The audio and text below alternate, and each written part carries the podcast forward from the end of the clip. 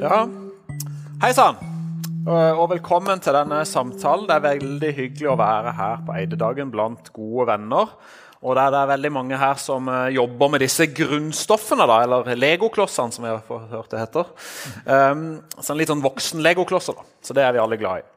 Eh, og som kanskje noen av dere vet nå, så har jeg og meg og to kompanjonger akkurat starta en podkast der vi skal gå gjennom alle grunnstoffene i det periodiske system. Det er jo 118 av de, så det kommer til å ta litt tid. Vi er så vidt i gang. Men i dag så skal vi mm, gjøre en liten spesialepisode der vi skal snakke om noe litt gøyere. Ole Martin Løvik han pleier å være med. Han kunne dessverre ikke komme. Men vi har to svært kompetente gjester her, så det tror jeg skal gå fint. Eh, og så har vi selvfølgelig Birte med. Du ser jeg. Der, der sitter du. Jeg er veldig opptatt her med Ja, du er allerede i gang, ser jeg. Det, jeg utfordrer deg. Du liker å gjøre eksperimenter på ting du egentlig ikke kan. ikke sant? Jeg er samfunnsviter, så det er helt topp for meg å gjøre sånne Ja, men så jobber du i Eideklynga, tross alt. eh, Så du må jo prøve å lære deg litt om eh, særlig disse grunnstoffene. da. Så eh, i dag utfordrer jeg deg, Birte, til å ta med noe hjemmefra som du bruker veldig mye, og som også består av fryktelig mange grunnstoff. Um, så hva er det egentlig du har med deg? Ja, her har jeg med en eh, gammel eh, smartphone, en iPhone, som jeg ikke bruker lenger. Eh, Jeg tenkte jeg skulle ødelegge den her telefonen i dag og se hva som er inni, for det har jeg aldri turt, faktisk aldri turt å åpne en mobiltelefon og se hvordan, eh, hva det består av inni. Så det skal jeg få gleden av å gjøre i dag. Ja, det med litt skal vi- veiledning. Fordi ja.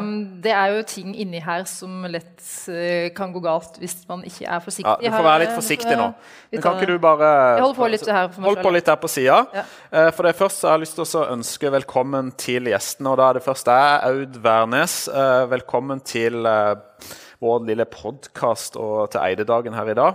Eh, Du har jo akkurat holdt et innlegg. Det er veldig spennende. Du er jo nå eh, kom fra Sintef som eh, forskningsdirektør og forretningsutvikler der. Ja, nettopp. Og du har jo også leda denne såkalte eh, SFI-en, Metal Production, altså et senter for forskningsdrevet innovasjon på metallproduksjon. Og der dere har jobbet, Du fortalte jo dette med, med å redusere CO2-utslipp fra industrien og selvfølgelig beholde og skape nye konkurransefortrinn for norsk prosessindustri. så det er jo veldig spennende. Men, men aller først har jeg lyst til å spørre deg, hva er ditt favorittgrunnstoff? Har du noen? Ja, det må bli silisium. Silisium? Ja, hvorfor det? Jeg har jobba veldig mye med silisium. Ja, Jeg har det. Jeg var med på den eh, si, sånn rundt 2000, så jobba vi jo veldig mye med silisium til solceller. ja. Så jeg var ganske mye involvert i å få til nye prosesser for produksjon av silisium til solceller, som er høy renhetsgrad. Men så har jeg jo jobba litt med også metallurgisk silisium etter hvert. Ja, for du er vel sjefen i noe som heter Ferrolegeringenes forskningsforbund? Det er jo Jeg et må fantastisk navn. korrigere deg litt. grann. Jeg er koordinator. Ok, ja, ja. Men eh, altså, Ledes av et styre men hva er ferrolegering? ferrolegeringsindustriens forskningsforening. Hva er en ferrolegering? Ferrolegering det er jo da silisium, ferrosilisium, Så eh, silikomangan, inn- ferromangan Ja. Så ferro som jern, da. Jern, ja. Ting som går inn i unntatt jern. silisium. Ja, nettopp. Ja. Uh, og jeg hørte jo nå tidligere at uh, jeg er jo også veldig fan av silisium. da. Så Du nevnte dette med at det kommer en ny utgave av silisiumhåndboka, eller produksjonshåndboka. Den gleder jeg meg. Det blir liksom silisiumbibelen, da. Så den, eh, den gleder jeg meg veldig til kommer. ja, det gjør jeg òg. For det tror jeg blir veldig bra. Så det får bli en egen podkastepisode om silisium og den nye utgaven av silisiumbibelen i Norge. Men uh, vi har også med oss Ådne Tveit her. Hei. du, eh, vi hørte jo akkurat fra deg. Eh, du jobber jo som, nå, som teknologiutvikler og er chief hva heter det, COO. Chief Operation Officer, er det det heter? I en startup som heter Refacture. Eh, og dere jobber med ny type prosessteknologi så vidt jeg har forstått, som kan brukes til å fremstille, en del grunnstoffer. Eller i hvert fall utvinne det. Um, er dette noe du har jobba lenge med, grunnstoffer, eller er du litt ny i grunnstoffbransjen? Ja, jeg har med meg 15 eksperter innenfor dette området. Så jeg er det eneste som kan forretning. Så er det min jobb her å få dette inn, eh, implementert i Norge. Så jeg har kjempet en lang kamp, og det ser ut som vi får dette til nå. Har du noe favorittgrunnstoff? Da får jeg svare karbon, jeg, da. Okay. Fordi Ja, karbon og silisium de er jo venner. Så Ja. kan vi ha en god stemning her oppe. Ja, det er bra. Da er vi eh, på gruppe IV. Ja, og karbon er jo viktig at vi har fokus på at vi fanger og at vi bruker på en riktig måte. Og i de eh, strømmene vi skal bruke, så er det også mye karbon. Så det skal vi bruke mye tid på. Du, hva, hva, hva tenker du på når du hører ordet kritiske råmaterialer? Kritisk det er jo det er en del ting vi er avhengig av her i, i uh, vår vestlige verden. Og det er jo ting for å bygge vår velstand og digitalisere og elektrifisere og alle de tingene vi trenger. Men, uh, en sa til meg du kan ikke engang lage en tannbørste uten å ha en kritisk råvare. Så det er det ene med det. Og det andre som gjør det kritisk, det er at disse, når disse råvarene kommer fra ett land eller en produsent eller en region, så er vi kritisk avhengig av at det er en stabil leveranse. Og det er litt grann eh, nervøst. Hva skjer hvis Og Det skal vi prøve å grave litt i nå det neste kvarteret. fordi Vi skal snakke om dette svært viktige og alvorlige temaet, nemlig de kritiske råmaterialene, eller kanskje som vi liker å kalle det, kritiske grunnstoffer. Um, og For ikke så mange uker siden så, så kom jo den såkalte Critical Raw Material Act. Eh, den ble slått gjennom i EU-parlamentet, tror jeg. Eh, og Det er altså en lovgivning om grunnstoffene. Det er jo ikke så veldig mange av de, men det er jo litt spennende. Og akkurat hva den loven skal gjøre, det kan vi komme tilbake litt til. Men, men Aud, når vi er inne på dette med kritiske råmaterialer, hva er ditt forhold til dette med kritiske råmaterialer? Hvordan, ville du eh, definert eh, kritiske? Hva legger du i det begrepet? Det er jo ikke det at de er sjelden direkte, men det er jo fordi at de har stor økonomisk og strategisk betydning. Både for Norge og Europa. Og så er det det med forsyningssikkerhet, som du også var inne på, som er veldig viktig her. For det jo, vi må jo bare innrømme det at Kina er jo veldig stor på en god del av de kritiske råmaterialene. Bl.a. de sjeldne jordartene. Der har de jo kanskje 80-90 ja, Jeg har tall på at uh, f.eks. 100% av de sjeldne jordmetallene som vi bruker i magneter eller permanentmagneter, kommer fra Kina. I Europa. 100% Bortimot det, ja. Så da er det jo ikke rart det er litt kritisk. hvis vi er 100 avhengig av noe. Og så I tillegg så er jo det at du har ikke noe altså Du kan ikke ha inn en substitutt, altså noe erstatning for det. Altså De egenskapene som er i de kritiske råmaterialene, de er unike, så du trenger de. Så det er noe spesielt med, med disse grunnstoffene? da, Spesielle egenskaper med grunnstoffene? Som du utnytter bl.a. i telefon. Ja, nei, det kan vi komme tilbake til. Vi har også noe som heter strategiske råmaterialer. Hva Er egentlig, er det noen forskjell her, eller? Det er vel uh... Så det kritiske strategiske handler vel også dette så vidt jeg har skjønt da, med ting som er strategiske i forhold til hvilke teknologi vi trenger i fremtiden. Altså ja. type grønn teknologi osv. Og, så og det er jo en ganske stor overlapp så vidt jeg har skjønt, mellom både det kritiske og det strategiske. Um, bare Jeg så på en liste, skjønner dere. For det, nå kom det akkurat i november tror jeg, en ny liste med kritiske råmaterialer. For det har kommet en del lister før. Det kom En første kom i 2011. Da var det 14 grunnstoffer. og så I 2014 så var det 20, og så i 2017 så var det 27, og så i 2020 så var det 30. Og nå er vi oppe i 34, så det ser ut som det blir bare mer og mer kritisk. Eh, jeg vet ikke hva det er tegn på. altså, skal jeg bare lese de opp? Veldig kjapt. skal du høre. Ok. Antimon, kobber, litium, skandium, arsenikk, feltspat, magnesium, silisium, aluminium, bauksitt, flusspat, mangan, strontium, baritt, gallium, naturlig grafitt, tantal, beryllium, germanium, nikkel, titan, vismut, hafnium, niob, volfram, bo, helium, fosfat, stein, vanadium, kobolt, tunge sjeldne jordarter, lette sjeldne jordarter, fosfor, kokskull og platinagruppe metaller. Huh, så um, jeg føler nesten, det er nesten sånn, Hvilke grunnstoffer er ikke kritiske? Hvis dette kommer til å fortsette, så kommer jo alle materialene vi bruker, nesten til å bli kritiske. Hva, hva, hva, er det vi har gjort for å havne i denne situasjonen, egentlig? Det er jo det at eh, Ja, det er, det er jo kan du si at Visse regioner har da mer av de kritiske råmaterialene, som da gjør at forsyningssikkerheten og den biten blir viktig for de landene som ikke har så mye. Og i Europa så har vi jo Det er jo sjeldne jordarter i Europa, men det er jo ikke noen gruver som tar det ut. Så vi har jo, vi sitter jo både i Norge også. Fensfeltet eksempelvis. Det er jo et okay. godt eksempel på sjeldne jordarter. Som er ganske stort felt i Telemark, tror jeg. Tar jeg Telemark, feil? Ja. ja. De har, der har de sjeldne altså jordarter. jordarter. Ja. Ja. Som f.eks. sånn som ytrium og Ja, og det er også en, et stort uh, område i Kiruna med sjeldne jordarter, som de skal begynne å ta ut nå. da. Så det du sier, det er, på, altså, det er ikke nødvendigvis det at vi ikke har det i Europa eller i Norge, men det er at vi har egentlig ikke så veldig mye gruvedrift lenger. Nei. Veldig mye av det vi, vi får av disse grunnstoffene, det kommer fra, fra andre land. Uh, men uh, bare sånn, du har jo jobba lenge eh, med, med industri, altså prosessindustri i Norge. Altså, hvilke av disse kritiske råmaterialene produserer vi faktisk i Norge? da? Har vi noe eh, Silisium har vi jo, det står jo på lista. da. Ja, silisium er viktig. Vi- Der er vi en stormakt. Der er vi en stormakt, ja. Silisium så vel, dekker vel 50% av markedet i Europa. tror jeg. Ja. 7 på verdensbasis. ja, det er ganske voldsomt. Eh, Er det noe andre du vil trekke fram? Du nevnte jo mangan. Det er også Mangan, på ja. Jeg så at det sto på lista. Det er vel nettopp kommet som mangan. da. Vi produserer jo ferromangan og silikonmangan i Norge, og kvali høy kvalitet av dem. Eh, Her kanskje det tenkes på elektrolytisk mangan, rent mangan til batterier, vil jeg tro. da. Ja, nettopp. Titan har du også nevnt. Titan, ja. Det, Eh, kobolt. kobolt, det har vi også i Norge, da, produksjon.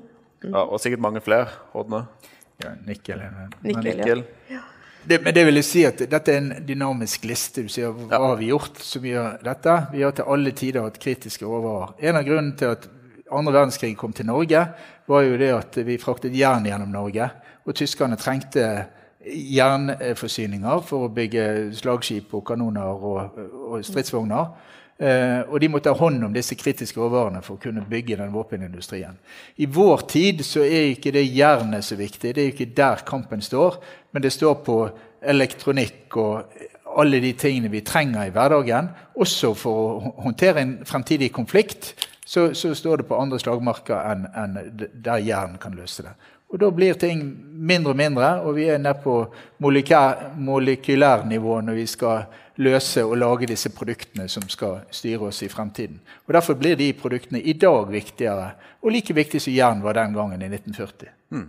Så det, vi har alltid vært liksom materialavhengige, men denne lista sier jo at nå blir det mer og mer altså Våre produkter blir mer og mer avanserte, inneholder mer og mer av disse grunnstoffene. og Noe som skaper større og større avhengigheter. da. Og vi så jo når Ukraina-krigen brøt ut, så var vi plutselig avhengig av gass. Så skjønte vi at oi, eh, produkter og, og materialer som vi får fra disse landene, er vi faktisk avhengig av. Og det førte til en krise, og det var en, et, et våpen i hele eh, kampen mot Vesten, sånn som det utvikler seg til å bli. Og det vil vi jo unngå for fremtiden, at det skjer med disse andre materialene. Nettopp.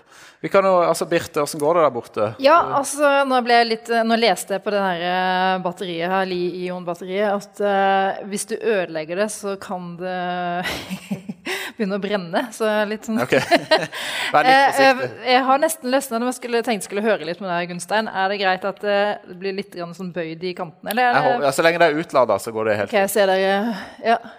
Så du har rett og slett nå åpna, Ja. og her ligger det jo litt fullt Men hva består dette her eh, batteriet av, siden det kan begynne å brenne sånn hvis det er brekk? Nei, det er jo fordi det er veldig høy energitetthet. da. Så, eh, men, Godt men, limt. ja, men når det kommer til kritiske råmaterialer, så er jo batterier et godt eksempel, vil jeg si. Eh, For batteriet det inneholder jo Det er jo et litium-ion-batteri, så det inneholder jo selvfølgelig litium. Eh, Men det inneholder også veldig mye nikkel, eh, kobolt, eh, grafitt. Altså jeg tror du kan finne veldig mye av dette. Så, så Derfor er jo batteriindustrien og de materialene som går inn til det, det er vel et, noe av det strategiske da, eller kritiske materialene vi snakker om. Er det noen andre Så denne komponenter? her, har? eh, den er verdt litt uh... Ja, ikke sant? Den som må jo brukes igjen eller resirkuleres. da, så det er jo viktig. Skal jeg legge det her? Den Kan resirkuleres? Ja, hva annet har du der? Jeg har et eh, bitte, bitte lite kamera. Kamera? Så litt uh, Ja. kamera. Og det som Ja, er, Hva tror du det består av, da? Plast Ja. og glass? Si det. Det er litt metall eh, Kanskje aluminium? Ja, det kan være. Ja. Men det som kanskje er enda viktigere, er disse sånn sjeldne jordarter. For det brukes veldig mye sjeldne jordarter i optiske komponenter og sensorer som er i et kamera. Og du kan også ha lantan, faktisk, som, som er inne i kameraglasset for å forbedre lysstyrken og klarheten. Så ikke sant, bare det bitte lille kameraet der, for at det skal gi liksom de fantastiske megapixel-selfiene, så krever det faktisk en del av disse kritiske grunnstoffene. Uh, og du hadde, hva mer har du? Har du et par ting til? har jeg mye rart her. Jeg har en sånn liten uh, dings her. Det, det er faktisk fascinerende når noen har satt sammen en uh, mobiltelefon. Altså det er så små deler. Det gjøres jo ikke akkurat i Europa, det der lenger. ja. Uh, det, er- dette her er en eh, liten, sånn, liten kloss. Eh, som sikkert går an å skrus opp enda mer eller brekkes i. En chip, og- kanskje? Er det det? Er Ja, det ser ut som en Da var du inne på dette. Ja, er ikke det, det er silisium Ja, så alle, alle sånne chipper inneholder silisium. Og Så det kan jo til og med være silisium. fra Norge. kanskje? Kanskje, ja. Meget sannsynlig. egentlig. Og du har jo også en del eh, Jeg vet ikke om du kjenner igjen noen CRM, eh, råmaterialer, som dere jobber med, som kanskje er i mobiltelefoner? Absolutt. Det er jo I batterier, f.eks., så er det jo mellom altså I en, i en elbil i dag så er det mellom 50 og 70 kilo med karbon eller grafitt. I, Ja. sant? Så det er jo en veldig sterk komponent. Men jeg har hørt at det er 100 ganger mer gull i en mobiltelefon enn det du finner i en hvilken som helst gullåre du tar ut av fjellet. Så nå Så er det mye Ja. bedre å hente gullet fra den der enn å Ja, jeg tror vi ser noe gull eh, inni her. Du er jo veldig glad. Det er jo ditt favorittgrunn. ja, jeg er glad i gull. Så Nå er du på gullgruvejakt. Så gulljakt, ja. Her er det jo sikkert litt man kan levere inn. eh, Det er, ikke, det er minimalt med det vekt på de her gull, eh, gullbestanden her. Det veier ikke så mye. Men uh, hvis man har mange nok mobiler, så kan det bli litt. Ja, nei, Det er jo spennende. Da har du jo eh, greid å grave fram noen grunnstoffer der. Ja, oi! Det kom et eller annet sånn pulver ut her. Ja, Vær litt forsiktig. Ja, det Det, det, det, som, det som, er, som er helt gøy, for det, det er jo ikke bare bare å, å ta fra hverandre en Nei. mobiltelefon. De er jo lagd for at de egentlig ikke skal kunne repareres. nesten. Det er noe sånn lyseblått pulver. Hva kan det Så- være? Inni her. Nei, si det. Uh, vi kan få ta og kikke på det Ja. i mikroskopet. Mm. eh, det var bra, det, Birte. Ja. Du får uh, kose deg med det Og vaske hendene. ditt. Så. Nå, nå kan du sette den sammen igjen. Ja, nå kan du okay. Lykke til. Uh, jeg tenkte vi, vi, har, vi nærmer oss avslutning her, men, men hva kan vi egentlig gjøre med dette, da, Oddne og Aud? Altså, I dag vi kjøper mobiltelefoner, eh, batterier, alt. Vi importerer det fra Asia og andre land. Råmaterialene produseres i hele andre verdensdeler.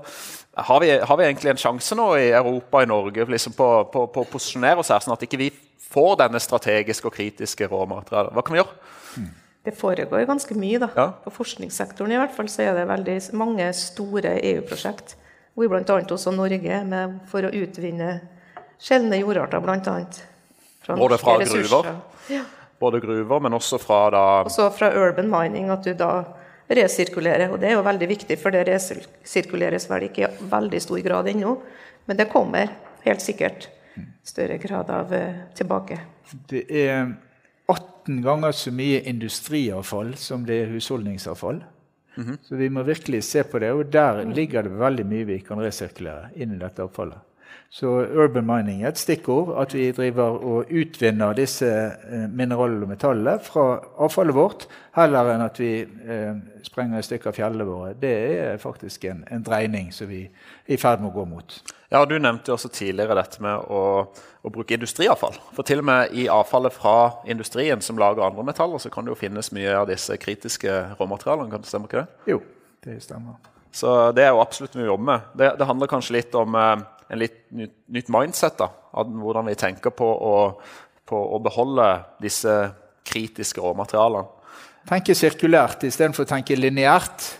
Og veldig mye av mineralproduksjonen frem til nå og metallproduksjon har jo vært veldig lineær. Man henter det ut av fjellet i en gruve, man bruker det i noen produkter, og så kaster man det når det er ferdig. Og så går man tilbake til en gruve og henter ut mer. Og Det er veldig lineær tankegang istedenfor å gjenbruke disse tingene som nå forholdet ligger mer til rette for. Eh, bare helt kort, altså EU har jo som mål at innen 2030 så skal vi ha 10% av utvinning, 40 av eh, prosessering og 50% av resirkulering på disse CRM-ene. Tror du vi har sjanse til å nå det målet? Det er jo bare syv år til. Eller seks snart. Hvis det satses ordentlig, så tror jeg det. Ja, og da kan Norge spille en rolle da, på Ja, noen av disse. absolutt. Om det Sammen er, med andre kollegaer i Sverige og i Norden, faktisk, så er det jo en del. Men har vi virkemidlene som, eh, som ligger til rette for dette? Eller? Kanskje ikke i dag, de bør komme snart, da. Ja. Det er jo litt sånn at Sikter vi på stjernene, så når vi kanskje månen. for Ja. å si det sånn. Så det er jo reisen på vei her som er viktig. Om vi når de målene, jeg skal ikke si at ikke det er viktig, men at vi kommer oss av gårde så fort vi kan, det er avgjørende. Og jeg tror vi har, vi har sett et skifte, et taktskifte i den retning nå. Og det er myndigheter bak, og virkemiddelapparat og industrien bak. Så det, jeg tror i hvert fall vi er på riktig vei. Da kan vi kanskje oppsummere med at uh, prosessindustrien og, uh, og dere er jo, står klare til å forsyne oss med de kritiske råmaterialene vi trenger. Uh, men det gjenstår fremdeles et godt stykke arbeid. Vi må sikte høyt, og så får vi se hvor langt vi greier å komme. Eh, og hva tar du med deg, Birte, fra denne samtalen? Jo, at eh, vi godt kan slå fast at jeg ikke kan drive med sirkulær økonomi og resirkulering på egen hånd. La noen andre La ta andre seg av det. ta seg av det, men Ja, det eh, er bra. ja, Du får levere den til gjenvinning. den eh, går ikke igjen. Nei, supert. Eh, jeg tror vi bare sier takk, takk, for, eh, takk for at dere kunne ta dere tid til å bli med på denne samtalen, Aud Wærnes og Ådne Tveit. Eh, og lykke til videre med utvinning av kritiske grunnstoffer. Håper dere lykkes. Takk, takk. Ok, takk for oss. Ja.